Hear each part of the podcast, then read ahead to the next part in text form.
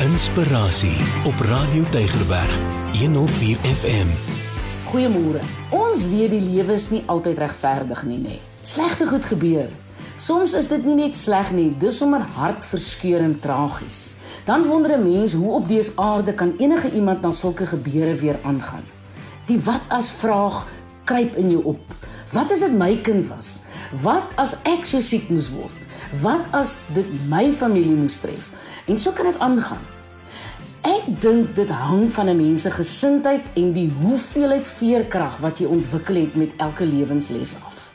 Wat is een van die grootste geheime van mense wat veerkragtigheid ontwikkel het? Hulle noem dit in Engels resilience.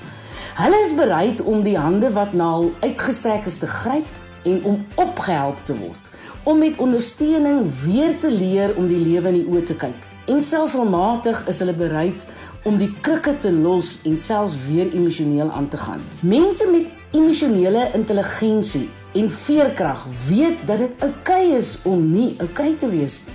As jy veerkrag het, kan die lewe jou buig, maar dit gaan jou nie breek nie. Niemand wil pyn en lyding ervaar nie. Niemand wil die dood in die oë kyk of sien hoe iemand naby 'n mens ly nie. Maar wanneer die sulke situasies in jou lewe gebeur, hoef jy nie bang te wees nie. Jy hoef ook nie enige omstandighede te beklei nie. Die lewe is nie 'n oorlog nie. Dalk is die lewe meer soos 'n skip op die oop see. Soms is die golwe net hoog genoeg dat die skip lekker daaroor kan vaar. En soms is daar storms met golwe wat dreig om oor die skip te slaan, maar alle storms gaan uiteindelik verby. Onthou, jy is nie jou omstandighede nie. Jy is ook nie jou siekte waarmee jy gediagnoseer is nie.